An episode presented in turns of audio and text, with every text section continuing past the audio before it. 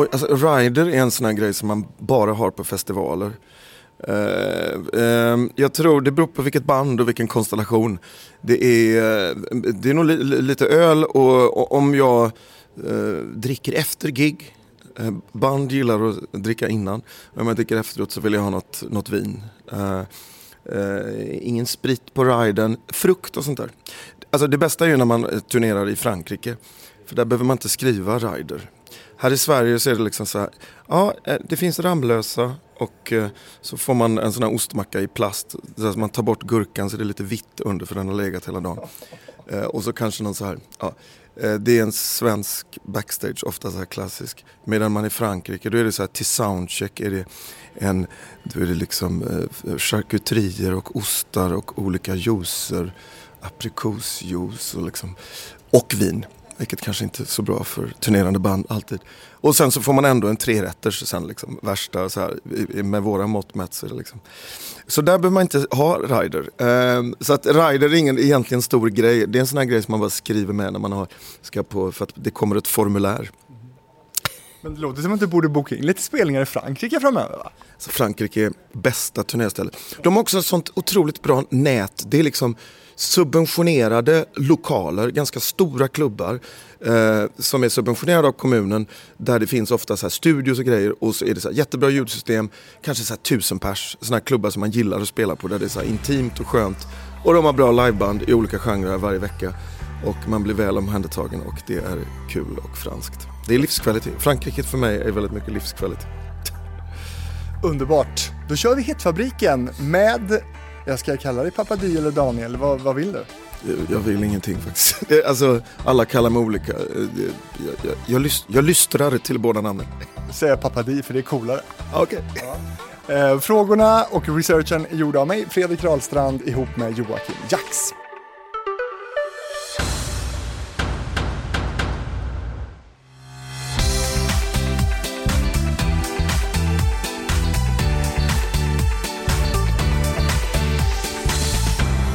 Kul Papadi att vi fick till det här efter lite pusslande. Ja, ja det är lite pusslande. För du är ju småbarnsfarsa nu för tiden. Ja, jag börjar sent. Nu gör jag äntligen själv för mitt artistnamn. Ah, eh, ja, men jag har en två och ett halvt åring. Det är lite bisarrt. Men, eh, men det är väl inte, titta på Tommy Körberg, han var väl 65 när han fick sitt senaste barn? Jag tror att allting händer. Det är inte så att nu eh, när man känner att oj det här var fantastiskt så kanske man känner att man kanske skulle börjat lite tidigare. Mm. Och man har väl några sådana tankar om hur kommer det vara när han tar studenten och pappa pappa i hatt med fickplunta i, med, och i rullstol rullar fram och är lite så här gaggig. Nej, eh, jag, jag, jag, tänker inte så mycket överhuvudtaget utan jag bara reflekterar och tycker att oj vad häftigt att jag fick vara med om det. Det är faktiskt fantastiskt. Ja. Sådär som alla säger. Ja. Men man undrar kanske också då hur pappa Di är som, som, som, pappa. Nu ska vi inte fokusera på det, men det är lite intressant. Hur, har du liksom kommit på dig själv att vara på något speciellt sätt nu när du blev pappa? Uh, jag vet inte, jag har alltid haft mycket, jag, jag har väldigt mycket guddöttrar. Jag har fem guddöttrar och jag gillar barn och barn gillar mig. Jag vill alltid, uh, jag är nog lite, uh, aningens lite mesig. Uh, alltså, det, är lätt att skämma bort ett ensamt barn. Och, men, nej, men jag är lite clownig, jag har alltid varit lite clownig. Så att det passar bra med barn. Så att det är kul att leka och hänga. Liksom. Men du är good guy liksom? Ja, jag, jag är inte den som ta fram bältet. Det är nog snarare mamman som försöker liksom så här, där och så ska du ta tallriken efter medan jag är lite mer så här, vi äter i soffan. Eh, pappa. Men jag tror, att, jag tror att båda behövs. Jag tror att det är bra att föräldrar är lite, har lite olika approach. Lite, lite good cop, bad cop fast på ett bra sätt. Liksom. Gud vad härligt. Vi äter i soffan. Hög igenkänning. Ja, mysigt. Ja. Beskriv din karriär. Eh, lång men ganska förvirrad. Eh, jag är väl vad man kan säga. Det, det har varit så mycket började i Göteborg, eh, var med i ett reggaeband och kom med i Stonefunkers. Och då var det väldigt mycket så här For the love of music och eh, vi älskade funk, vi älskade reggae, vi hade undergroundfest. Vi var helt paria och eh, utfrysta i Göteborg där det bara var rak, härlig, god arbetarrock. Nej men det var så här glamrock eller rock eller så alla tyckte det var, vad är det för djungelmusik? Men våra, vi hade en generation och vi hade liksom folk runt omkring oss. Så vi var, vi var ett skönt gäng som gillade svart musik, vilket var ganska speciellt då på den tiden. Eh, I Bruce Springsteen, Göteborg. Eh, ja, nu behöver du inte dra liksom, men de breda penseldragen, vi ska gå in på det här väldigt noga ja. också. Breda penseldragen är väl egentligen att sen fick jag kontrakt väldigt tidigt. Stort amerikanskt skivbolag, jag blev signad av Clive Davis. Eh, och sen var det väl någon slags här pop karriär som var lite upp lite, jag har alltid varit lite underground och pop och lite och försökt att blanda och det finns en risk i det och det är lite svårt. Och när det har lyckats så är det skitkul. Och, men ibland har man hamnat lite mittemellan. Men jag har haft en lång karriär och jag är väldigt tacksam att jag eh, fortfarande kan hålla på och på, på så många olika plan underground reggae eller vanliga eh, popgrejer och 90-talsfester eh, och, och sen har jag ett rockband. Och, alltså allt möjligt. Så jag är glad att jag fått en, en brokig och lång karriär. Och nu ska vi snacka en timme precis just om det, om din karriär, om, om starten okay. med djungelmusiken i Göteborg då och, och eh, stora, enormt stora framgångar och fall och vad du gör idag. Hur känns det här? Ja, det, det låter som ett så det låter som ett bra upplägg. Ja. Du, när man snackar om, om, om det som kallas för det svenska musikundret, vad, vad, vad, vad gör du för, för reflektioner kring varför vi i Sverige är så, så bra på det här med att göra bra musik? Eh, jag vet faktiskt inte. Det, det, ja, vi, vi, vi, vi är ett ganska studiotätt. Jag vet, jag var en av förklaringarna på 90-talet. Att det finns mycket studios, det finns mycket teknik och det, vi har mycket utrustning. Vi har alla studiecirklar på 70-80-talet tror jag säkert Eh, mycket band, mycket replokaler. Jag, jag, tror att vi har väl haft en ganska det, det har varit ganska lätt att, att, skapa musik. Eh, Jämför med till exempel med Jamaica. Där det finns några få studios och det sitter fattiga up and coming artister utanför studion och försöker liksom få en chans. Eh, och sitter och, och, lär sig spela gitarr på hemmagjorda gitarrer. Och liksom så det, det, är en viss skillnad. Fast de lyckades ju också extremt bra. För de har inspirerat en hel värld. Så det kanske inte, jag vet inte om det är så mycket det eller Ja, det, det, kan vara att, att vissa grejer funkade så att ABBA kom och att det blev internationellt och att det inspirerade. Jag, jag vet inte riktigt vad, om det finns en förklaring. Jag tror bara att det har vuxit fram. Och sen är det ju några så här huvudfigurer liksom.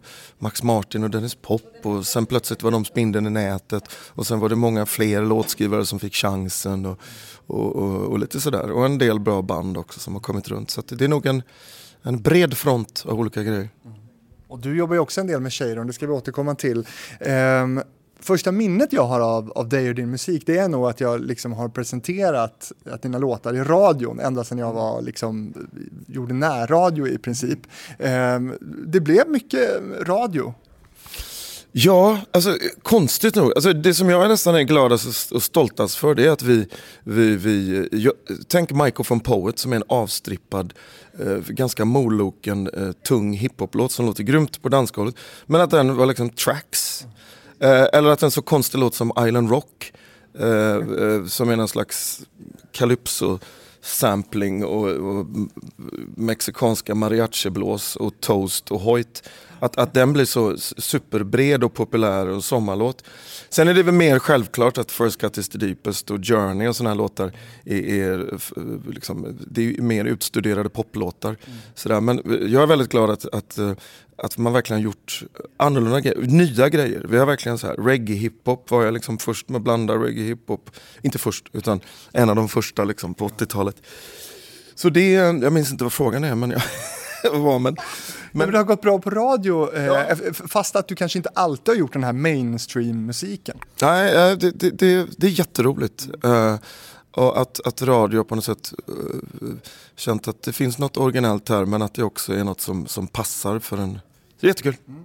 Jag tänkte fråga om dina musiklyssningsvanor och sådär. Då, då, tänker jag att du lyssnar mycket på kanske reggae och, och, och ska, hiphop möjligen och sådär. Men det vore så roligt om du också drömde till med något oväntat. Vad är det mest oväntade som, som du kan dra på hemma när du vill höra musik? Alltså jag är en eh, crate digger, alltså jag eh, går på loppmarknader. Jag alltid letat musik till samplingar och då har det inte alls bara varit mina genrer. Jag tror i allmänhet att folk tror att man bara lyssnar på reggae och funk och soul. Ja. Eh, och det är klart att det är ju en stor grej. Och man alltid letat, men jag, jag, jag, lyssnar mycket på, jag lyssnar mycket på jazz. Eh, jag, eller från kanske klassiska liksom så här 60-talseran och 50-tal kanske. Jag lyssnar mycket på, eh, om jag är hemma och städar eller jag kan mycket väl liksom lyssna på Dean Martin och Nat King Cole till exempel. Eh, Edith Piaf. Jag, I princip jag gillar bra musik och det finns väldigt mycket bra musik. Eh, en del klassiskt, alltså jag, är ganska, jag är mycket, mycket bredare än vad folk tror.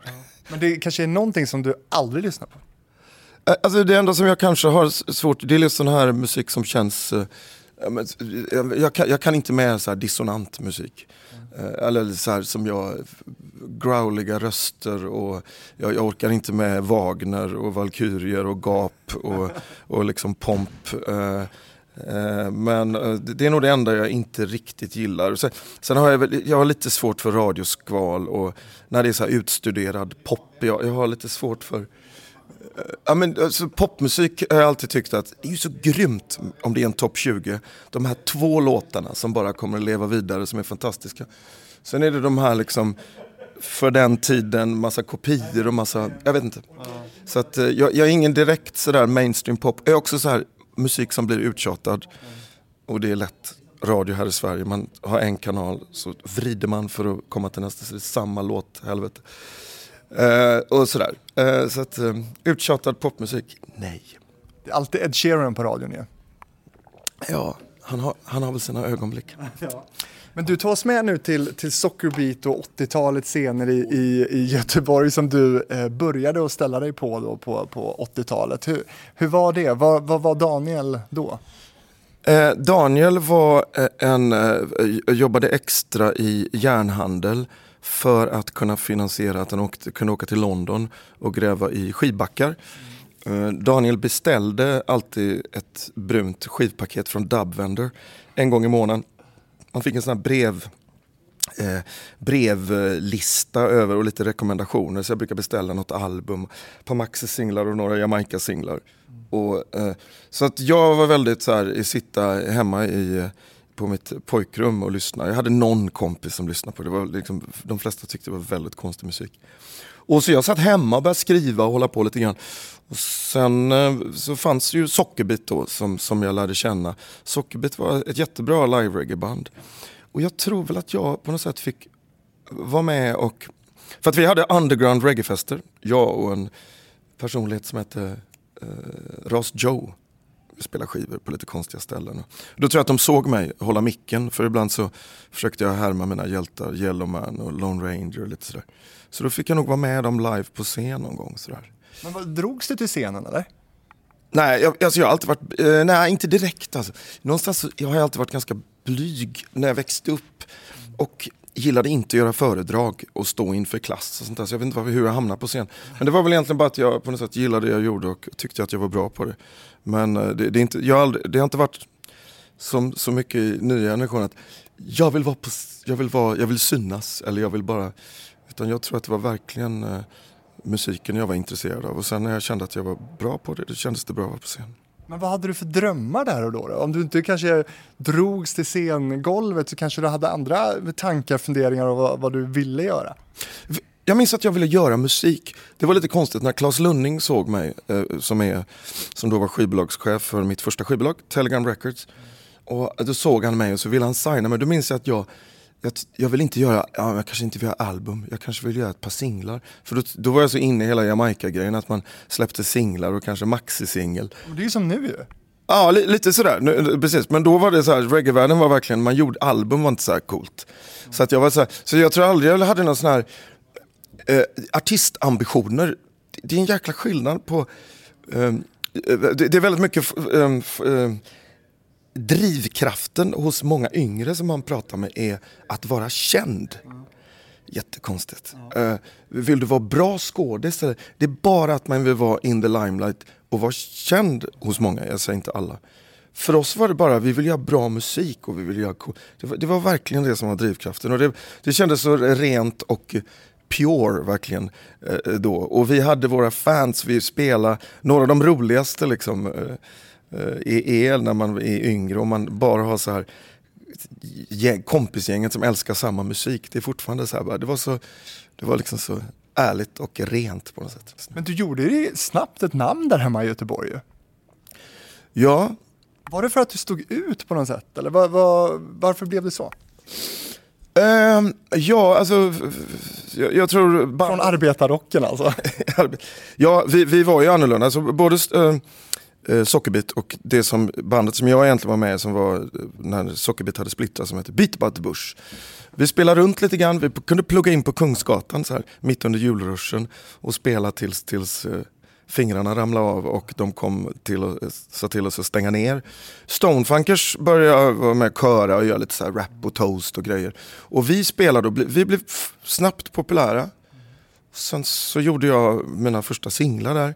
Första med Magnus Frykberg och Titio och sen så gjorde jag två med Robin Rass. Och det, det bara spreds och växte väldigt fort. Jag tror att vi stod ut väldigt. Vi var, vi var väldigt annorlunda och eh, eh vi var väl karismatiska och coola och så något helt nytt från det som hade varit innan som, som väl var Antingen hade de rouge och var lite så här eh, lite glammig eh, 80-tal eller också så var det så här rak, god, härlig rock med t-shirt och Springsteen och, och plötsligt kom vi och då var det så här dansa och kul och sådär. Det låter ju förlösande å andra sidan. Ja, jag tror det var, det var förlösande för många. Jag tror att det var en generation. Det var också så här, runt om i världen så var det väldigt mycket så här rave och dans och hela den här grejen exploderade. För jag tror att folk bara var trötta på en viss grej och, och, och ville uttrycka sig på andra sätt. Så att... Men från den här passionen då till musiken och, och, dragningen till, till att hitta bra musik och skivbackarna i London och så vidare. När, när märkte du, när kände du så här, fan det här kan jag jobba med? Alltså jag hade ju väldigt tur på något eller jag vet inte vad man ska säga att det var men jag, jag, jag satt inte och skickade demos till en massa skivbolag. Jag stod och toastade på Ritz här i Stockholm, då var Claes Lunning där och Magnus Frykberg hade dragit dit honom för du måste kolla den här. Och sen blev jag signad. Sen lite senare så kommer Clive Davis som är en av de största skivbolagscheferna genom tiderna. Han flyger över från USA för att titta på mig och Tio och signar oss till stora Arista. Så jag fick så internationellt skivkontrakt efter jag hade gjort ett par tre låtar. Och, och så att jag, jag, har ju, inte tur men det, det, snabbt tjänade jag mycket pengar. Eller, Ja, tjäna mycket pengar. Vet du. Men man fick, ett, man fick så här förlagsförskott eh, och så fick man Men då på den tiden, jag var väl sista svängen där början på 90-talet när det faktiskt fanns pengar. Så plötsligt från att ha varit så här fattig, jobba i järnhandel så hade man pengar och jag började vara mer, bo i London lite mer och det var så här, haha, nu kan jag köpa skivor. På riktigt. Men du, det är ju fantastiskt, alltså, när du berättar om det här nu då, hur ser du tillbaka på den där tiden? Det låter ju helt sjukt. Ja, det, det var ju, det konstiga är när man han inte reagera på någonting. Utan det var så här, åh, Clive Davis kommer över, blir signad, oj jag har massa pengar, eller, i, i jämförelse, jag har pengar på kontot. Hur mycket pengar pratar vi om? Nu pratar du mycket om pengar här, vad, vad snackar vi? Nej men det var inte så, det var liksom förskott, men för liksom en arbetarkille från Göteborg så är det ganska mycket att få liksom en miljon in för förlagskontrakt och så, och så fick man pengar så man skulle kunna göra plattor och leva under tiden och liksom, det var bara så här, jaha.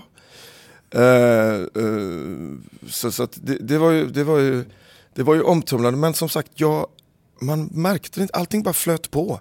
Sen var jag plötsligt flyttat, var man, bodde man i London dit man bara åkte ett par gånger om året. Och, och så hängde man där och så fick man träffa massa folk. Och, man hann inte reagera utan allting bara var väldigt naturligt. Man var inte så här, utan det bara, ah, gud, nu hände det, nu hände det. Och så ganska stressigt, det var ganska mycket, mycket som hände på en gång. Och, sådär. Du nämnde ju Stonefunkers, det, det känns som att det är många som förknippar dig fortfarande en del med, med just Stonefunkers. Va? Du var ju deras äh, rappare, ja. toastare. Det var ju både jag och Emrik som rappade, men jag körade och, och, och rappade och var en av liksom, originalmedlemmarna i första. Sen, sen så slutade jag äh, eh, 1990 efter första plattan där, för att då hade jag jag ville bara göra min grej och hade eget skivkontrakt och sådär. Liksom. Och så gästade jag ibland och så men, men jag är väldigt förknippad med dem fortfarande. Finns de kvar? Nej, det, jag tror de återuppstod för någon Göteborgskalas eh, för några år sedan. Men Emrik spelar ju en del Stonefunkers låtar i, han har ju eh, ett band som han kör sina M-rock-låtar. Men där, där lägger han alltid in lite Stonefunkers. Jag var, jag var gästa med honom ett par gånger, lite ja, då och då. Ja. Så det, det, existerar i någon form, men inte originalbandet. För någonstans här då i början av 90-talet eller slutet av 80-talet så märker du kanske då att, att, att eh, det, det, fan, det här funkar ju solo också. Eh, och du släpper som sagt några singlar med Robin Razz så det börjar hända saker för dig eh, och du satsar på solokarriär. Och 1990 då så kommer Let Enough Steam. Eh, första plattan, Hur, vad har du för relation till liksom, första plattan? Eh, jag lyssnar inte så mycket på min musik, men jag lyssnar på den på, det var någon som spelade på någon fest sådär. Mm. Alltså den, den är otroligt originell och den har en jäkla energi i både beatsen och allting. Det, det, den, har bara, den lever sitt totalt egna liv och jag tycker att den är väldigt originell. Det är skumma samplingar, det är konstiga hybrider med musik och den låter totalt egen. Eh, jag, den, är jag, den är jag stolt för. Den, den, är, den, är, den är fantastisk. Men sen var det väl kanske då först 94 eh, när Original Master kom eh, som gjordes på, på Cheiron och bland annat då ihop med, med Dennis Pop. Då det, då det verkligen började hända saker, i alla fall här i, i Sverige. Det blev mer dance och eurodisco nästan, eller hur? Ja, sounden och sådär, det var ju liksom del av, kanske inte eurodisco för då tänker jag på sån här Pandora typ. Techno liksom där liksom. Men, men det var ju del av ett sound, det var ju samma trummor, trummor som eh, Dr. Alban och men var du bekväm med den, den resan rent musikaliskt? För, för det, var ju, det, vi började, det är ju ganska långt ifrån där du, du började. Ja, uh, jag får bara säga först att Original Master, den plattan, det är lite förvirrat här. För den plattan är egentligen en platta som jag spelade in i London med uh, reggae-musiker. Hade ingen singel. Så då bestämde sig Warner för att göra First Cut is the Deepest. Eller det var min idé att göra det, så jag gjorde det med Max Martin och det gänget. Sen taggades den på på den plattan. Sen blev det en samlingsplatta. Så att alltså, Original Master är egentligen 12 reggae-låtar som är, knappt finns. Jag har någon CD hemma. Jag ska försöka så att den kommer upp på Spotify för den var också väldigt bra och fick så här. Jag minns att det fick jättebra recensioner men den hade ingen singel. I alla fall, så det var det. Ja. Um, om jag var bekväm med soundet. Uh, jag tyckte nog att uh, Jag menar, de var ju så duktiga på att göra låtar och hookar. Men eh, jag, jag var väl lite så här att jag tyckte, jag, jag kommer från, jag gillade smutsigt sound, jag gillar samplingar, jag gillar hiphop. Eh, jag lyssnar mycket på liksom eh, 60-70-talsmusik. Så deras sound tycker jag var lite plastigt och jag var lite så, jag tycker fortfarande inte att det är en fantastisk platta för den gjordes lite grann med vänsterhanden. Det finns några starka spår men sen så minns jag att det var väldigt så här, Backstreet Boys var i studion, Britney Spears var i studion hela tiden. Jag vet att jag har också sjungit in några Backstreet Boys låtar. Men då gick, den gick ju till dem naturligtvis. Eh, Vilken då? Jag minns inte, några balladerna som man bara insåg så här, jag är inte fem söta killar. Så att det är ingen idé jag sjunger in den. Eh, tell me why, tell me why, that you do Den. I want it that way heter den. okay. har, har, du sjungit in den? Jag tror Ja, det har gjort. Men, så att vi har... Finns den kvar? Nej, men det, det tror jag inte. Den ligger, ja det kanske att den ligger på någon fil som inte går att hitta. Men eh, så att jag, jag, sen gjordes kanske de sista tre, fyra spåren väldigt hastigt och lite med vänsterhanden för att de hann inte liksom. Vilket var cool. Vi hade fått så här, tre, fyra starka, starka spår så det var ganska bra. Jag var lite kluven till det soundet men så fort man såg hur, hur folk verkligen gillar. Alltså First Cut blev ju sån jättehit med, alltså folk var ju helt, och då kan man, då blev jag liksom, ja men det här måste ju vara bra. Och sen så tyckte jag att, eh, det var ju första gången jag fick så dåliga recensioner av alla kreddiga journalister och sånt. Och, och då minns jag att Max Martin och Dagge var liksom, ja! Bra att vi fick dåliga recensioner, då kommer vi sälja en massa plattor. Men hur hamnar du på Cheiron överhuvudtaget? Alltså, vad, hur, hur hamnar du i, i, i Stockholm och med, med, med, Dennis Pop?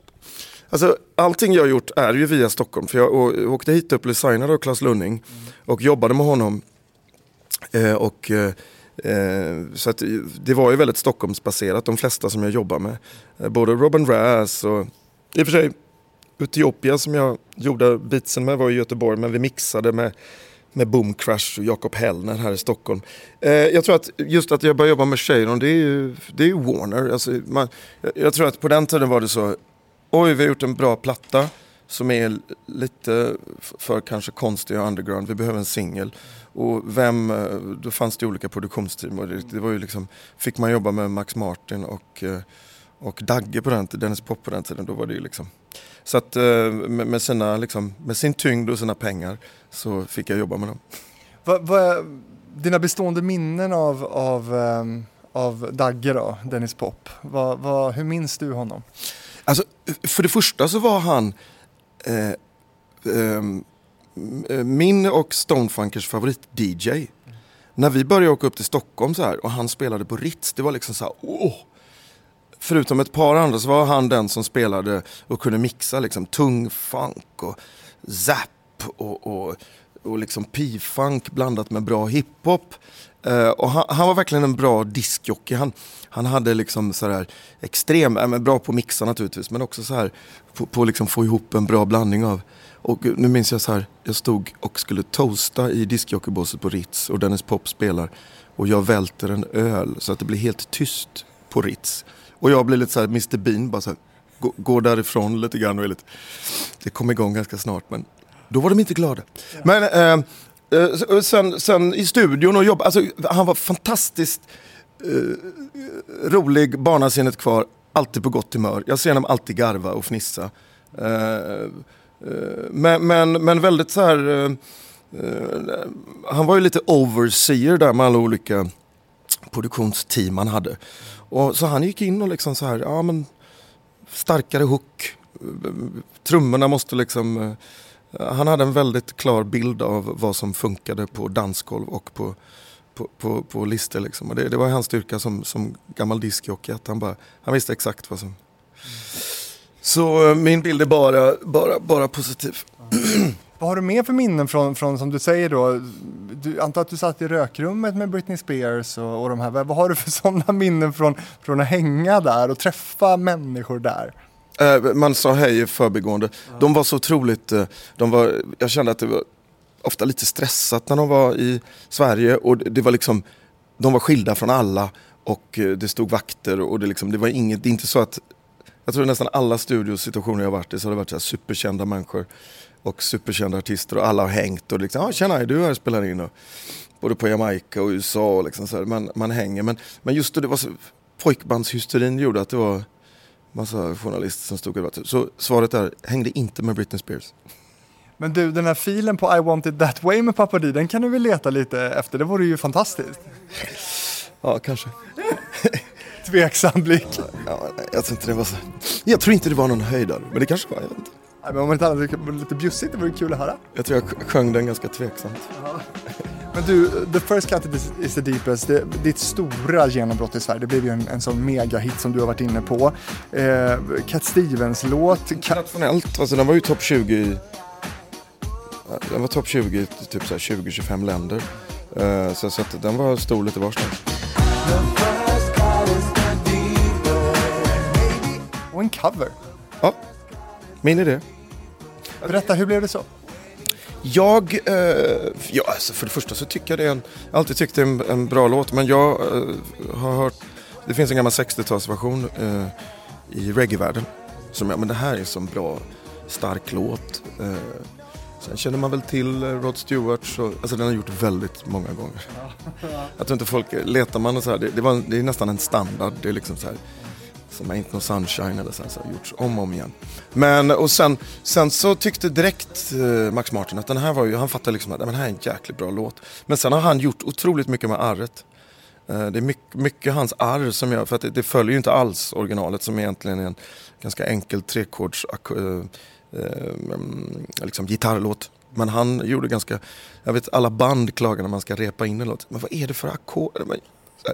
För det är väldigt mycket ändringar och sånt som inte är i originalet. Men förvånade då den här stora, både svenska och internationella framgången dig?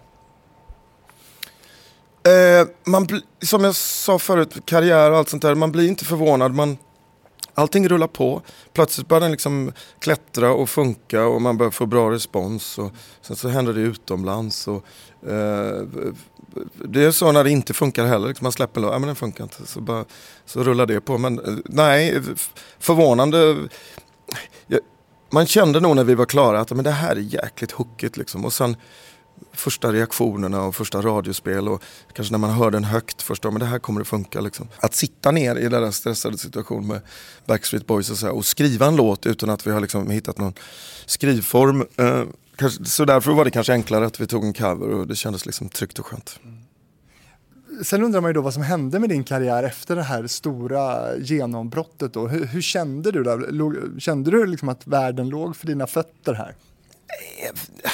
Alltså, det, det blev lite förvirrat sen för att det var lite så här med skivbolag att man, då skulle man bli ihoptussad med låtskrivare och man skulle jag har alltid gjort ganska eh, musik bara så, men det här vill jag testa och göra. Jag har liksom inte tänkt i hitformat. Mm. Kanske på mina första plattor. Man har väl tänkt att det ska vara hookar. Och jag menar, all musik jag har lyssnat på, man gillar ju hookar. Och, men det blev lite så här krystat hitsökande efter det. Eh, och det är lite jobbigt. Just det där att sitta med en låtskrivare som är så känd låtskrivare som har skrivit så får man någon sån här diskografi på vad de har gjort. Mm. Och då ska man skriva en hit. Det blir väldigt krystat. Och jag har svårt för sånt. Jag är lite för...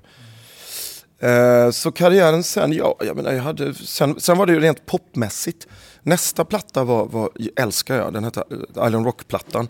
Men vi måste upprätthålla oss lite på The Journey, för 96 kom ju den och eh, här landar vi ju rakt i min eh, musikstil, eh, måste jag säga. Jag älskar ju The Journey. Mm. Jag har lyssnat mycket på den nu också inför för att jag har träffat dig här nu.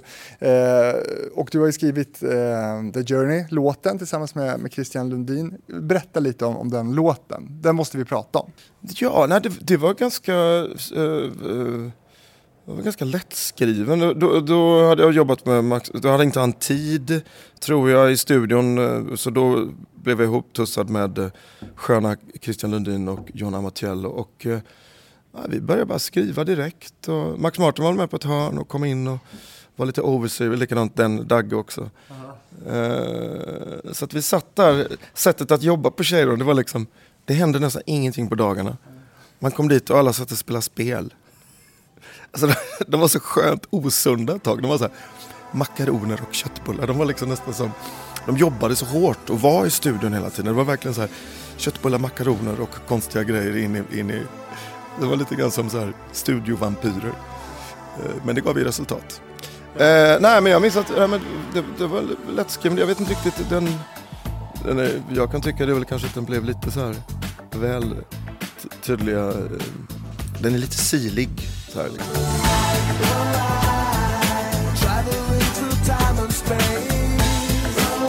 Det känns som att här, här letar ni lite hits va? Mm. Ja, det, det, det, det, var väl lite sådär ja. ja. Det tackar jag för. Ja, absolut. Men samtidigt så är det ju, det är ju häftigt när man sitter jag beundrar vissa poplåtskrivare som verkligen så här, det ska vara så hookigt som möjligt. Det ska vara så så uh, verkligen jobbar. Och, uh, jag vet ibland så hade vi liksom, ja men det här är en bra refräng. Nej, det är inte refrängen. Det, det kanske är en pre-chorus. Vi kan nog komma på en ännu bättre refräng. Uh, medan jag, jag, jag, kanske i annat fall har varit lite mer jobba på vibbar och liksom så här, men det här, det här är vad man vill säga. Och, men det är inte en ultra liksom punchy. Uh, det, det, jag, jag lärde mig mycket på Cheiron-tiden och hur de jobbar och även jobbar med röster. Och de är väldigt så här, när man lägger röst, jag är ganska van att till exempel lägga en röst och få till bra tagningar och kanske att det är lite vibbigt och att det kanske får vara lite skavanker. Men, men där var det, man dubblade rösten mycket. Det var liksom ett effektivt paket och sen så den här hallelujakören som de kallar den som, som, som alla på. Man jobbade mycket med, med detaljer och sådär. Det, det var häftigt. Eh, jag gillar också när man jobbar lite mer spontant och nästan hafsigt och analogt. Mm. Som min reggaeplatta jag gjorde förra året där, där jag liksom spelade in all röst och la alla körer på en dag. Och bandet spelade in alla sex rytmerna på en dag. Det blir en helt annan vibb och det är sån musik jag har lyssnat väldigt mycket på. Men, men båda grejerna har sin charm och jag, jag, det, det är kul att ha fått göra båda grejerna. Eh, andra låtar som man kan lyssna på är ju Angel Without You och Feeding Your Lies, Bortglömd pärla med Tio. Ja.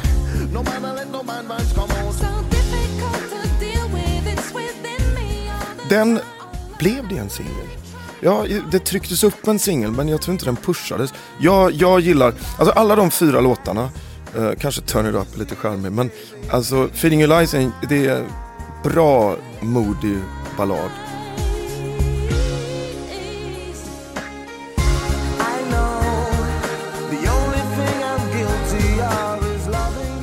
Hade önskat att vi kunde ha en live-cello istället för en synt-cello. Men det är en annan grej. Eh, jag var såhär, kan vi inte ha live? Nej. Eh, eh, Angel är nog nästan min favoritlåt på plattan. Den gillar jag. Men Titi återkommer här, för ni, ni har ju känt varandra här då ett tag va? Ja, hon, hon sjunger på min första, eh, det för, allra första jag gjorde med Magnus Frykberg. Förutom Beat about the Bush-singeln. Nej, det är, ingen, det är ingen som har den. Men eh, ehm, Du har den? jag har den.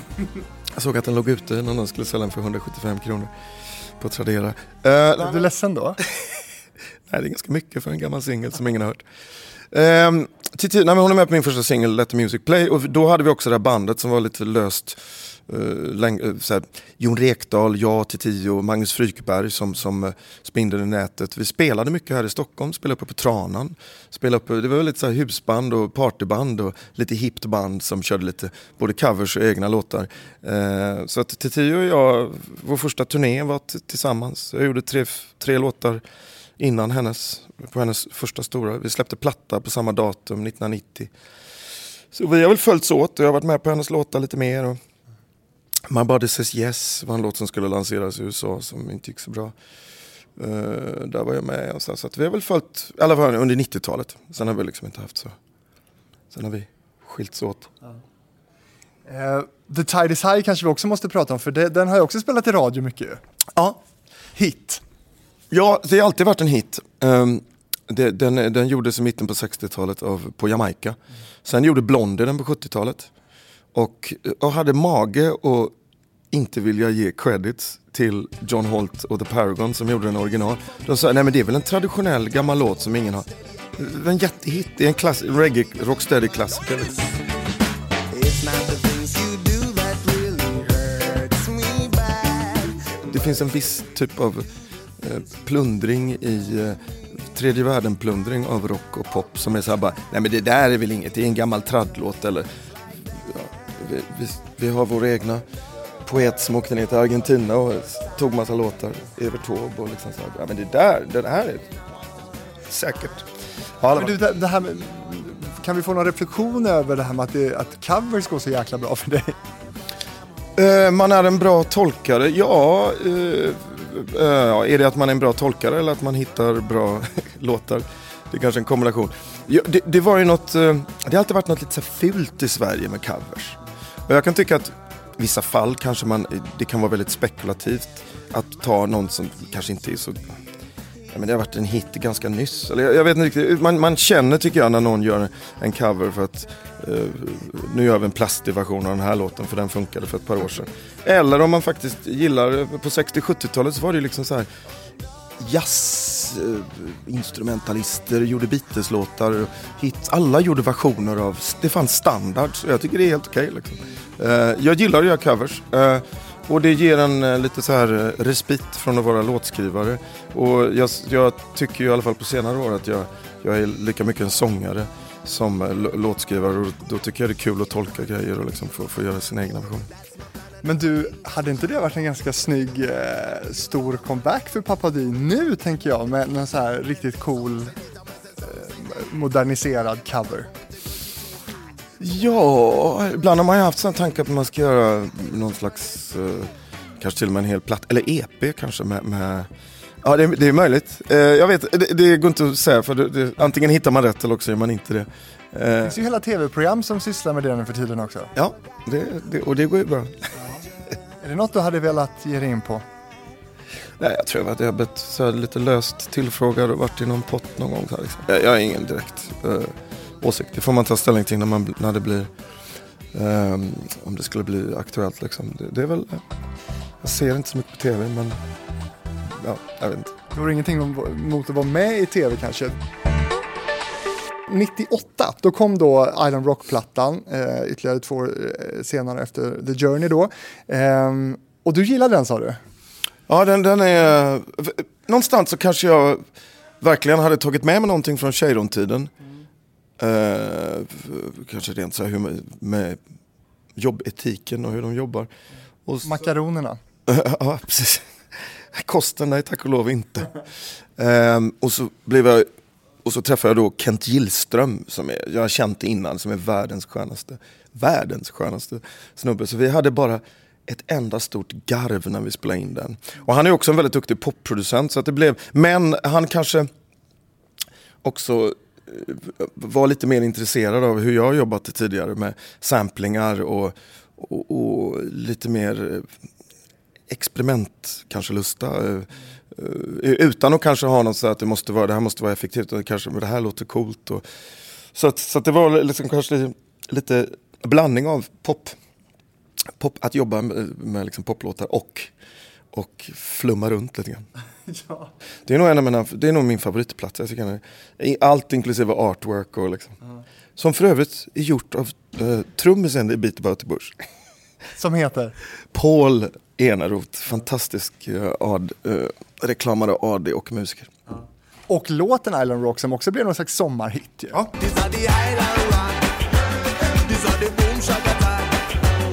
Det enda som var lite problematiskt var väl kanske att det var ingenting på plattan som lät som Island Rock. Eh, det, det, det är ofta när man gör en sån där, man, man ska inte kalla den för novelty hit men man kan kalla den för något som står ut väldigt mycket. Och då försöka komma med något annat som inte har den här sprittande energin. Men den var ju, den var ju jättehit. Och, Det är lite som First Cut på Original Masters kanske. Ja, ja precis. Ja, just det. Den, den stod ut där på ett lite, kanske lite konstigt sätt. Det var därför vi gjorde Journey-plattan med First Cut så att den skulle få ett, ett sammanhang. Eh, ja, men den stod ut lite. Men det fanns många bra låtar på den eh, Island Rock-plattan. Och sen i början av 2000-talet då, då fick du ett eh, ganska långt gig på Sveriges Radio. Du var programledare för, för P3 Rytm i, i många, det var åtta år någonting va? Ja, åtta år. Eh, och det där var ju någonting som du blev ganska eh, igenkänd för också. Saknar du radio? Ehm, eh, det var, eh, ja på sätt och vis. Nej, men det, det, var, det var väl, alltså just det där, eh, just det där att eh, public service tar sitt ansvar och presenterar musik. Jag, jag tycker att det är väldigt dåligt. Alltså, det är, alla spelar samma.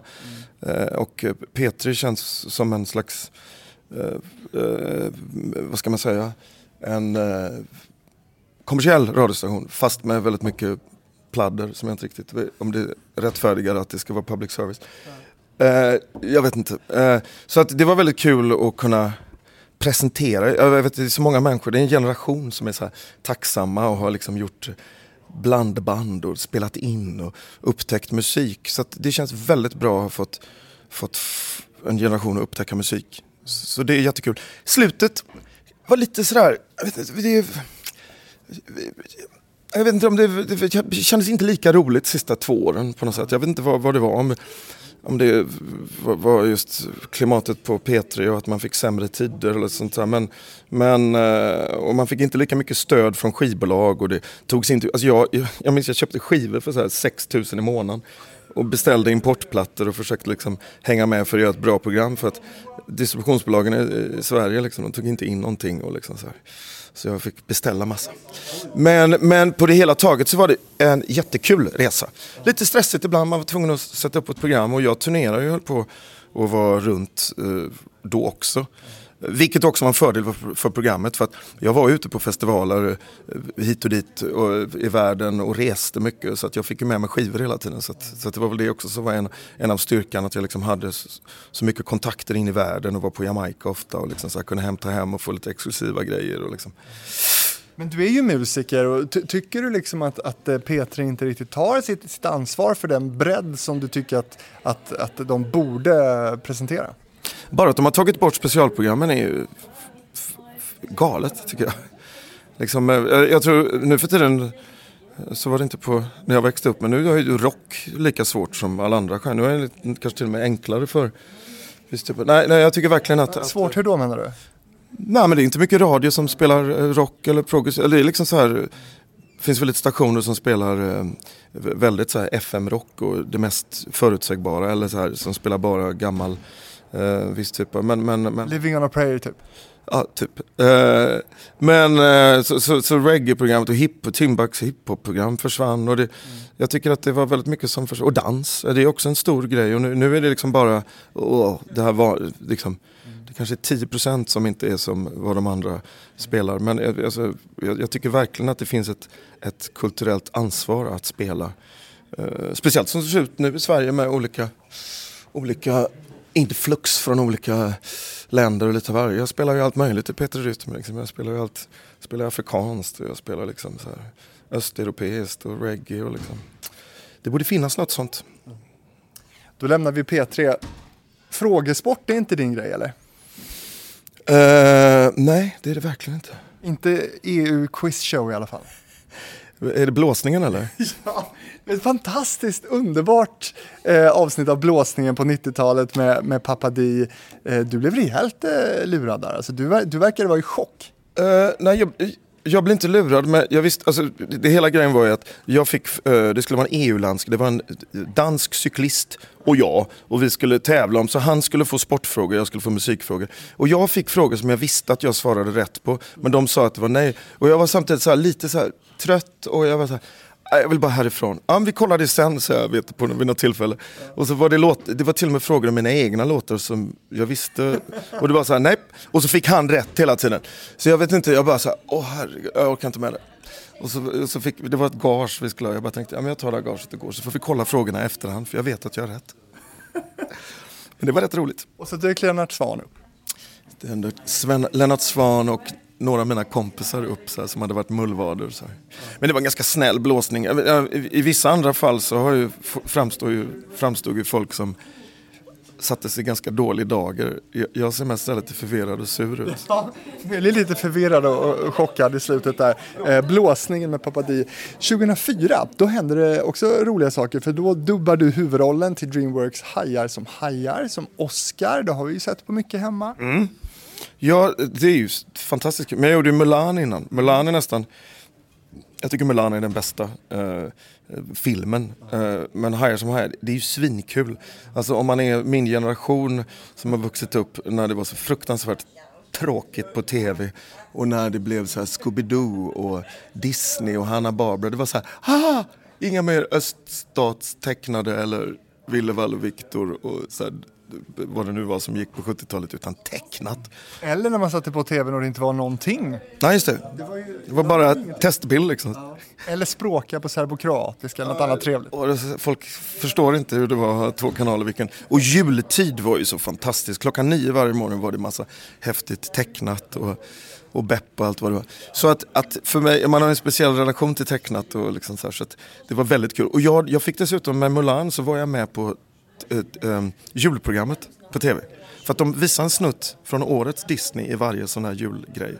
Så jag var med där. Jag var satt ensam i vardagsrummet hemma hos mamma. Jag är på klockan tre, hallå, jag är med på...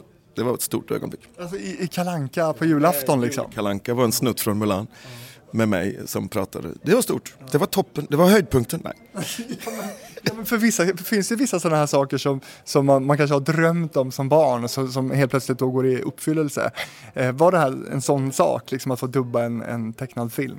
Det, det var väldigt kul. Uh, jag jobbade med bra, med bra regissörer. Och, alltså, det, det, ganska- det var ganska naturligt för mig att göra, för jag, jag är bra på timing genom min eh, alltså, toast och rap. Och, och jag, jag tror jag fick rollerna från början för att det var ingen som kunde prata så snabbt och sätta alla lines på. Så, så det var någon som hade sett mig göra någon grej på något, någon tv-show hade jag typ pratat fort. Eller vi, vi tjuvringde till någon och så pratade jag jättefort. Och, äh, det var någon grej. Så det var så jag fick, eh, fick liksom chansen att göra det. Och, så, så gick jättelätt och jättebra. Och det var Mulan som var första. Jag gjorde någon till också, Space Chimps gjorde.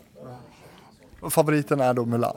Ja, det, det, jag tycker den är bäst som film. Jag tycker den är klass. Men Hajar som hajar är rolig och cool och modern. Och liksom. ja, men den är också bra. Något som många andra också gärna vill bocka av från sin bucketlist, något som man kanske har drömt om i, i hela sitt liv. Det kanske inte gäller dig, men det handlar ju om Melodifestivalen. Ja, jag vet inte. Jag, jag, inget, eh, han tjatade och tjatade och, och så till slut blev Han är det. Ja, han som... Ja. Så ja, jag vet inte. Till slut så gick de upp och skriva låt.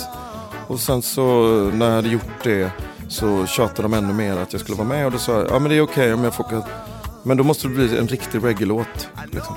Eh, och då vill jag åka till London och spela in med Mafia Fluxy i England som är ett musikerpar. Och så spelade jag in den i England så det är en, det är en jättebra... Nog den enda reggae-låten som har tonartshöjning i andra versen. Jag tycker det är jätteroligt. Ehm, så går den upp till.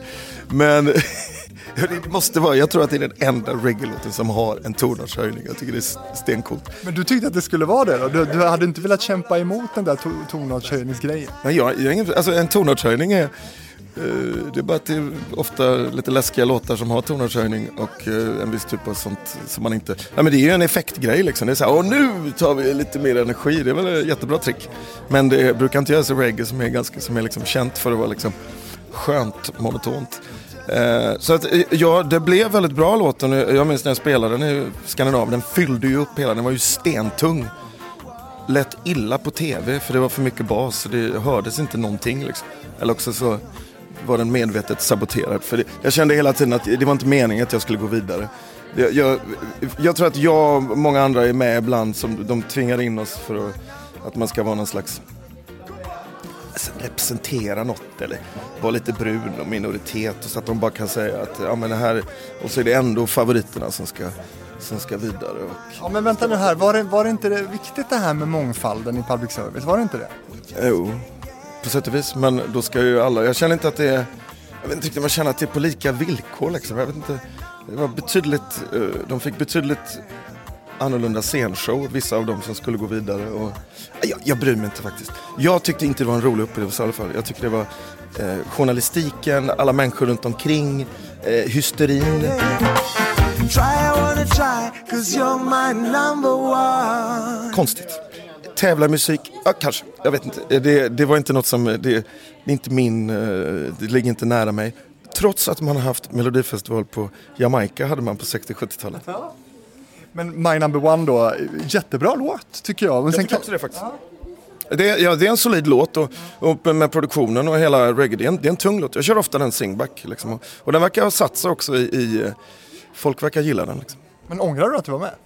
Nej, eh, nej, det tycker jag inte. Alltså, allting är en erfarenhet och, och, och eh, det var väl också en viss exponering och, och eh, man gjorde det ändå med äran i behåll. Jag gjorde inte någon spekulativ låt eller någon konstig produktion utan det var det, var det jag gör. Den skulle mycket väl kunna ligga på någon av mina reggae-skivor.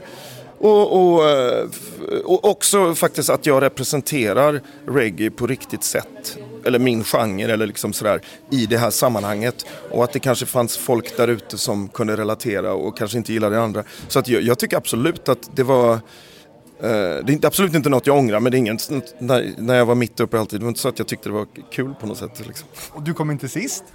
Nej, jag kom någonstans i mitten och gick inte vidare till nästa. Liksom. Sexa kom du. Hyfsat. Ah, okej. Ja, det var nästan i mitten. Om jag skulle fråga dig då, vad, vad, vad det största du har gjort det? Vad, vad skulle du säga att det är för dig? Eh, det, det, det största, ja det, det, det är väl inte alltid sådär den största spelningen man har gjort. Jag vet med amerikanska bandet jag var med i så vi gjorde någon spelning i Charret i, i Frankrike där det var liksom typ 50-60 000 pers.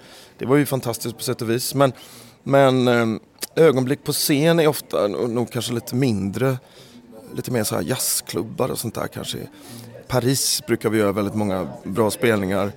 Eh, på New Morning där och och i i England på Camden Jazz Café. Det är inte så stora ställen liksom.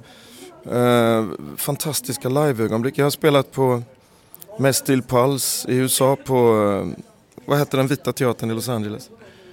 Eh, eh nej men, Get him to the, vad heter filmen? Eh, vad heter det här stället som är en cool så här, gammal Hollywood eh, jag kommer komma ihåg det sen. Jag, jag, vet jag har gjort, spelat på väldigt många olika ställen. Ibland är de små giggen roliga. Som jag vet jag spelade en eh, college-turné i England och då vet jag att vi eh, då spelade med ett väldigt flummigt Manchester-band. Som pillade i sig både det ena och det andra och då vet jag att det var väldigt lite publik. Och till slut var alla på scen och alla var bara, det var total kaos. Det var en väldigt rolig spelning men det var liksom bara 30 pers allt som allt inklusive banden. Men eh, så att eh, det, Det är väl att vara artist, att göra spelningar ena dagen för 30 pers och andra dagen för 20 000. Ja, och jag ty- tycker det är som sagt det är verkligen högt och lågt och ibland femstjärnigt hotell och ibland är det liksom för jäkliga förhållanden och, och allting är roligt och allt. eh, Man har varit med om mycket, jag gillar det med min karriär, det har varit så otroligt underground, overground, middle ground och eh, kul. Men eh, precis, det, det måste ha varit så otroligt eh, kul att få uppleva alla de här sakerna. Har du också åkt runt på sådana här mystiska, konstiga spelningar för så här oligarker ute i öknen och sådana konstiga saker också? Ja, jag spelar för någon, för någon eh, rik människa i, i Riga nu precis. Och fick bonus med med massa rysk kaviar. Jo, man, jag har gjort, man, det gjorde jag somras faktiskt. Eh, Kazakstan. Ehm, ja, ibland har man hamnat på lite sådana där lyxfester. Någon som, åh, kan jag få er och bandet att spela? Men det är rätt roligt. Vi skulle ha, det här skulle varit toppen på min karriär. Vi skulle ha spelat med amerikanska bandet i New York på Victoria's Secrets. En av deras först, lite där i början innan det blev så här megastort på 90-talet. Då skulle vi ha backat Tom Jones. Känd för att man kastar underkläder upp på honom. Vi skulle backat Tom Jones. Det ställdes in så en vecka innan. Vi var så här, ja, vi ska spela på Victoria's Secrets. Vi ska backa Tom Jones. Jättekul. Sen blev det inställt. Så då, det hade varit en topp. Vi ska snart prata om vad du gör idag, för eh, du är ju i allra högsta grad produktiv och du gör, har varit på julshower nu och allt möjligt. Men vi närmar oss 2008 nu. Ja, just det. För, för där händer ju någonting som kommer påverka din karriär väldigt mycket och då måste jag innan vi går in på det fråga dig, för det här är ju 10, 11, 12 år sedan nästan nu. Eh, hur ser du på det där idag? Är det liksom ett, alltså, man hanterar ju saker olika. Är det ett öppet sår det där fortfarande eller har det läkt?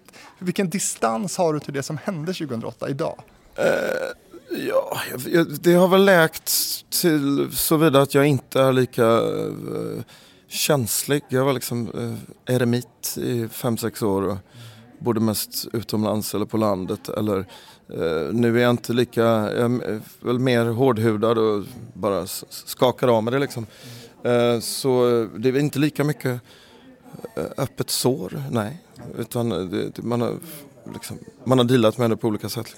Och vi ska inte prata så mycket om det som hände utan mer så här, hur det påverkade din karriär där. För, för det gjorde det ju ganska mycket. För de som inte hänger med alls i det här nu så måste jag ändå bara säga då att, att du eh, dömdes till dagsböter för misshandel utomhus och du frias av en oenig tingsrätt från misstankarna om misshandel i bostaden eh, av din före detta fru. Det är väl det som, som hände i princip. Och hon hävdade hela tiden att du var oskyldig.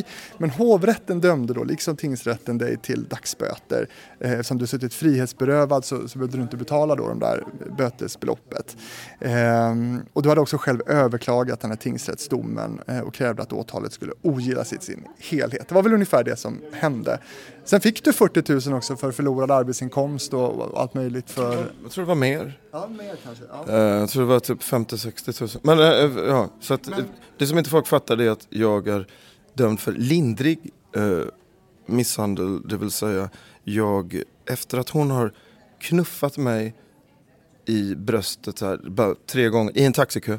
Så knuffar jag henne. och Hon har väldigt höga eh, skor på sig och eh, ramlar lite lätt. Ingen skada. finns absolut inte en skråma. Vilket också är konstigt för om man ska ha misshandlat någon då ska det ha eh, vad påföljden var en skada. Jag orkar naturligtvis absolut inte eh, överklaga en sån grej utan jag betalar lätt 2000 kronor för att bara slippa det. Men eh, jag kan ju inte tycka att det är väldigt många människor som skulle ha i sitt register att de skulle vara lindrigt om en knuff. Eh, ja, i alla fall. Så att det är det som har hänt. Och allt annat. Så det, det vill jag, men det är ingen som fattar det. Det var så mycket konstiga skriverier och det var liksom blod och bla bla bla och lägenhet och liksom, det är ingen som fattar. Eh, och när jag blir frikänd så är det helikopterrån den veckan och då ignorerar ju alla tidningar och på något sätt överhuvudtaget ens skriva att man blir friad. Så att det låg ju kvar och det ligger fortfarande kvar som någon slags viskleken. Liksom så här. Ja, för det blev ju mycket, det var ju rubriker och löpsedlar och, och du blev ju verkligen uthängd då. Ja, det kan man ju... Det finns folk som har gjort betydligt mer och inte blivit uthängda. Man kan ju undra vad som ligger bakom. Eh, jag var inte speciellt bra på att svara. Jag var alldeles för svag och bara drog för jag var helt eh, knäckt. Så att jag var inte heller bra på att själva ta tag i det och liksom försvara. Det är inte så mycket man kan säga heller. Det blir liksom bara, nej det gjorde jag inte. Och så, det blir liksom Doris försvarstal. Och, och, det, och det, det är också alla sådana här grejer. Det är att bara associering vid sådana här grejer är att man blir associerad med det är, innebär att man är skyldig och att man är ond människa. Så det var inte så mycket att göra så att jag, och jag inte så att jag, jag meddrog mig undan. Liksom. Men du sa till och med häktad en månad för detta. Det har jag ju förstått att det är typ värre än att sitta i fängelse. Mm, ja, det, det, jag vet inte. Ja, det, det är det ju. Framförallt ovissheten att man är isolerad och inte får prata med någon. Inte får prata med sin fru och inte får prata med någon. Utan det är lite sådär och, och, och så, ja, det var tur man hade. Jag minns jag, yoga, jag, jag lånade massa yogaböcker och bara försökte träna och undvek att äta allt godis och försökte bara hålla hjärnan ren och läsa massa. Hur mycket godis är häktat alltså? Ja, det, antingen så går man in för att försöka rensa hjärnan och göra yoga eller också tror jag man sitter och tröstäter. Eh, Man, man, det går väl runt någon sån här köpa godisgrej varannan dag eller någon gång. Men du, det vi ska prata om nu, du, du måste berätta. Vad, vad hände med din karriär efter det här? Mm, ja, det var väl en, det är en kombination då att, att jag är svag och eh, folkskygg och eh, knäckt och eh, mitt hjärta pajade. Så jag fick göra en hjärtoperation. Eh, en klaff stressades sönder. Så jag har helt uppskuret hjärta. Så jag var ju sjuk i en ganska lång period efteråt och ganska eller, så här, fysiskt svag. Och liksom. Så jag var egentligen, jag var bara borta liksom. Och, och det är inte så bra för karriär och sen, sen eh, jag vet inte riktigt vad jag gjorde. Jag, sen, ganska snabbt så började jag liksom jobba på en platta och folk i min närhet. Eh, till och med när jag var i Italien där mellan rättegångarna. Så började vi jobba på min platta som heter Fall from Grace som inte kanske världens muntraste platta. Eh, Förståeligt kanske. ja. Eh, så, nej, men, Vad betyder titeln för dig där? Fall from Grace?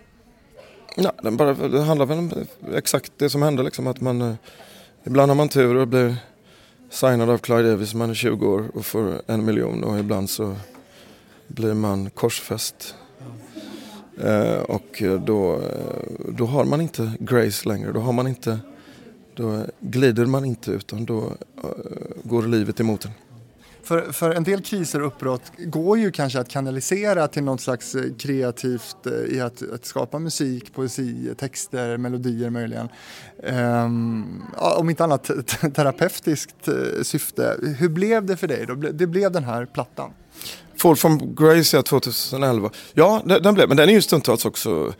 Ja, den, är ju lite så här mm, reflektiv och stundtals... eh, jag vet inte dyster, men den är lite så här eh, själv... någon slags. Men, men jag tror... Jag tror framför allt när jag kom bort från... Jag, jag kan tycka att jag hade hamnat i någon slags sån här... Jag gjorde ju radio då och sen så gjorde jag de här tv-programmen, Pappas kappsäck. För övrigt, eh, alltså då när man är precis på allas näthinna så händer en sån här grej och man får, så att det blir, all, hela smällen blev ju dubbelt. Bara för att man var liksom aktuell då också. Eh, men jag kan tycka att jag hade hamnat i en sfär där jag hade kommit bort lite grann från musiken. Det vill säga att eh, jag var lite så här, eh, blev inbjuden till massa hemska galor och blev så här, Sveriges bäst klädde man och var lite så här inblandad i mode. Jag var lite så här mittemellan-figur som var lite så här, åh, är han konferencier? eller?" Jag hade gärna gått tillbaks och varit med i Beat about the Bush i det läget där jag egentligen bara vill hålla på, jag vill bara hålla på med musik. Istället blev jag någon sån här lite, går lite spritsvullen på lite fester ett par gånger i veckan och var lite Um, så vad som hände var ju att jag kom tillbaks väldigt mycket till musik och att lyssna till musik. Första gången man hade inte hetslyssna till radioprogram utan lyssna och komma in i musik. Så att jag började ju skriva väldigt mycket. Jag skrev med finske Jaakko Manninen. Jag var, jag var mycket utomlands, mycket i Los Angeles, mycket i New York. Och, och, eh, eh, och fick ett visst lugn för jag hade kommit in i någon slags eh, eh Stockholms löjliga fester, ekorrhjul som jag är ganska glad att komma. Om man nu ska hitta positiva grejer så är det nog Men flydde du Sverige eller vad hände? Det gick inte, man vill inte vara ute, man vill inte se någon människa. Vi var, jag och min fru åkte till Italien där hon kunde jobba och jag kunde läsa 18 självhjälpsböcker om dagen och dricka massa espresso. Eh, och följa med henne till castings, hon jobbar som modell där. Liksom. Så det, det var liksom det enda man, man kunde göra. Jag vill inte, vara, ute- jag vill inte träffa någon. Jag, jag, jag blev total eremit och var i många år. Sen var jag sjuk också. Hjärtat, eh, det var lite, tog ganska lång tid att komma tillbaka efter hjärtoperationen och hela den här grejen. Liksom. I nöden prövas vännen heter det ju. Hur, hur var det för dig där? Stannade vännerna kvar? Eh, De flesta av mina vänner, eh, man vet instinktivt egentligen vilka ens vänner är. Sen omger man sig, eh, kanske som man var i Stockholms ekorrhjulet här, och går på löjliga kändisfester. De är inte ens riktiga vänner. Och de visade sig kanske inte vara ens riktiga vänner. Men jag, jag har inte haft någon så här direkt liksom. Men, men alla löj, löjliga människor och löjliga fashionmänniskor och ytliga människor som man har. De kanske inte var så, de kanske inte var där. Men de har, de har inte heller varit där, en viss typ av ytliga människor man känner ute i svängen. Så jag kan inte säga, de mina vänner, har, det är ytterst få som man känner har, eh, att man eh, har förlorat någon. Eller, och, och de har ju haft kontakt med mina riktiga vänner. Men eh, bekantskaper kanske. Sen vet man ju inte heller, man lever ofta i en astronautgäng och tror att alla är emot en i en sån här läge. Vilket absolut inte folk är. Och ma- dessutom när man själv går in och blir eremit i några år, då är det inte så lätt att veta vem som är vad. Liksom. Du var ju också engagerad som sagt i både Sveriges Radio och Sveriges Television. Hur tyckte du att de skötte det här? Eh, totala idioter. För det första så eh, Eh, är det ingen som tar kontakt med mig. De lägger ner mitt program. De fortsätter att använda mina grejer och jinglar och låter min producent göra programmet. Och sen när jag trots allt blir frikänd eh, då, och sen eh, rent kontraktmässigt, jag, de kan inte bara säga upp mitt kontrakt. Ingen ringer någon halvchef ringer. Ja, det var ju tråkigt det här. Jag, jag skrev av dem ganska fort. Eh, TV var inte alls samma grej. Jag jobbar ju inte med på sån eh, regelbunden bas. Vi hade gjort de programmen och levererat. Så det var ingen, ingen direkt. Jag, jag tror... Eh, ja, det var inte läge att göra fler. Nej, just det. Vi, Pappas kappsäck försökte vi få en, en... Den var ju så otroligt eh, kritikerfavorit och eh, ja, nominerad till Kristallen. Och bla bla. Så att vi försökte ju göra det, men det var innan det här hände. Och då var det liksom bara så här, för många chefer och eh, ingen eh, ville... Vi hade gjort en pilot på den här, så det var en egen produktion tillsammans med Good Productions i Malmö. Så vi hade faktiskt fått nej på den innan, så det har faktiskt inte med det att göra.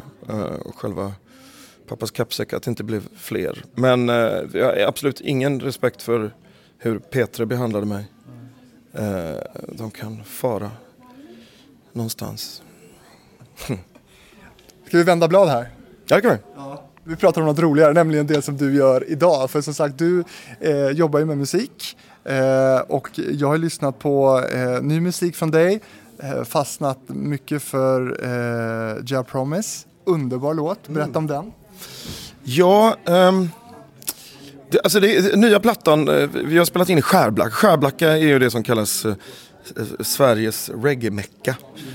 Kalle Ba kommer därifrån. De har, alltid, de har haft en väldigt eh, fantastisk musikkultur där lokalt. Och då har det varit väldigt mycket reggae sedan 80-talet. För att Kalle Ba var ett av de första. Och de jobbade med ungdomar och sen har det vuxit. De har en festival varje år, en, en eh, Bob Marley Tribute. Och det kommer Jamaica, jättetunga Jamaica-band dit. Så det finns, eh, jag vet banken där till och med har en sån här, vad heter det, en sån som, eh, vad heter, inte jalusi, en sån som, och, som är rö, rött, grönt och gult. Och, och bageriet har liksom massa, eh, massa bakelser med kända reggae-figurer på. och Sådär.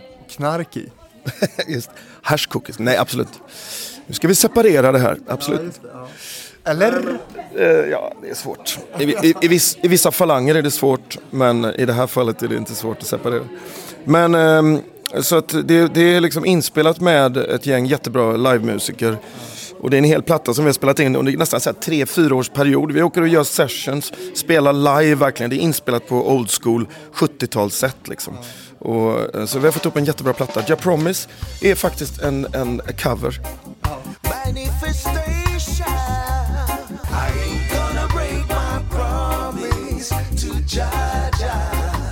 Det är en Johnny Osbourne-låt. En 70-talslåt som jag älskar. Eh, och eh, vi spelade faktiskt in den. Ja, det är en lång historia.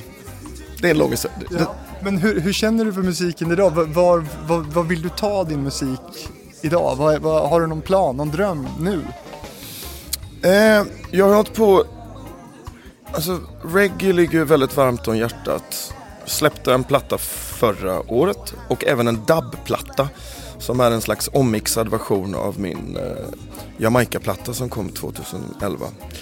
Eh, det ligger mig alltid varmt om hjärtat. Jag pressar vinylplattor och jobbar liksom på en viss underground-nivå och distribuerar runt till coola vinylreggae-affärer.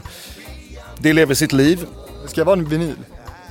Ja, jag, jag gillar vinyl. Jag, naturligtvis är det praktiskt. Jag har också massa grejer i datorn. Och, men det är någonting speciellt. Alltså jag, jag brukar jämföra det med att spela vinyl. Det är som, vill du ha eh, slow cooked food från Toscana med en fantastisk tallrik med färger. Eller vill du ha någon eh, McDonalds-mål eller någon sån här NASA åka till en milkshake där du får i dig allting. Liksom det, det, det är flerdimensionellt och det är något som existerar i. Så jag gillar vinyl. Eh, jag har ett rockband som heter Ringo Franco. Eh, som faktiskt också är någon sån här kom ut ur krisen och primalskri-grejen. Men där vi gjorde på något sätt få ut med energi och nästan lite punkrocks-energi och lite ironi och lite, lite, lite mer glimten i ögat kanske än reggaeplattan Fall from Grace. Men du försörjer dig som, som artist idag? Eller jag tänker, det, det är järn, ingen järnhandel på gång igen? Nej, jag, jag, jag, spelar, jag har faktiskt spelat mycket. så- Alltså, sen jag kom tillbaks efter hjärtoperationen och hela grejen så har jag liksom kontinuerligt spelar jag mycket på somrarna. Här i Sverige och lite runt om i världen och sen eh, eh, så, med massa olika projekt. Jag För rika i Kazakstan. rika, jag får betalt i rysk kaviar ibland. Eh, och sen så, eh, men det, jag tror att det just är att jag är så bred. Jag kan göra liksom underground reggae bara till tracks. Jag kan spela reggaefestival i Uppsala. Eh, jag kan spela med rockbandet. Vi spelar massa, på massa MC-klubbar. Eh, vi, sen har jag liksom 90-talsfester ibland. Som, så att jag, jag är på väldigt många olika plan. Sen är jag diskjockey ibland. Och, ja, men lite så här, jag, ibland gör jag så här före, lite så här föredrag och grejer i skolor och jobbar lite med utsatta kids och så. här. Men i princip är det musik jag håller på med. Du, eh, pappa Di, vi, vi har snackat mer än en timme om din karriär här nu. Hur har det här varit? Eh, ja, jag, jag är ingen sån här som tittar eh, tillbaks sådär jättemycket.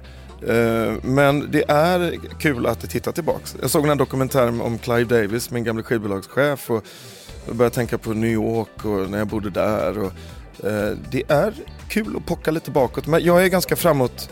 Jag gillar att titta framåt. Jag är hela tiden så här, oh, nu ska vi få in gigs här, nu ska vi släppa vinylplatta till våren, nu ska vi göra det, nu ska vi mastra platta. Så jag är nog inte sådär så att jag sätter mig och oj, titta tillbaks. Och byta blöjor. Byta blöjor. Mycket byta blöjor nu. Gillar du det? Eh, det, är, det är inte så farligt. Men däremot, det enda som är jobbigt med barn i den åldern, det är jag skulle vilja, de här overallerna på vinter. Vad är det?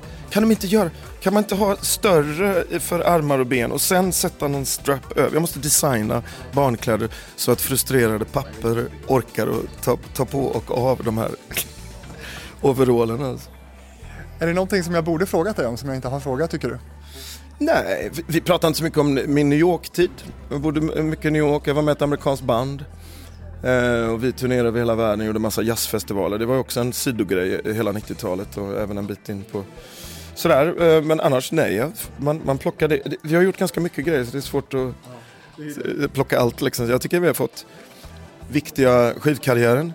Början, skivkarriären på 90-talet och så sen mina tv eh, och radioäventyr och vad jag gör nu och lite om kriser och sånt. Jag tycker det mesta med. Det är ju det. Och som sagt, det är som du säger, det är omöjligt att få med allting när man har gjort så mycket som du. Jag har ju suttit med Siw Malmkvist också, då är det mycket man får stryka. Sivan, världens skönaste artist alltså. Eh, vi- har gjort några gig tillsammans. Man, man kan tycka att det är, om man ska hänga med jämnåriga rockmusiker, Sivan hänger man gärna med. Hon är asskön. Och du som lyssnar, fabrikspost at gmail.com når du mig på om det skulle vara någonting eller om du har tips om gäster som du vill höra i Hitfabriken framåt. Nu kör vi hela våren eh, naturligtvis. Pappa Di, Daniel Wahlgren, tack så mycket för att du var med i Hitfabriken. Tack så mycket. Tack själv.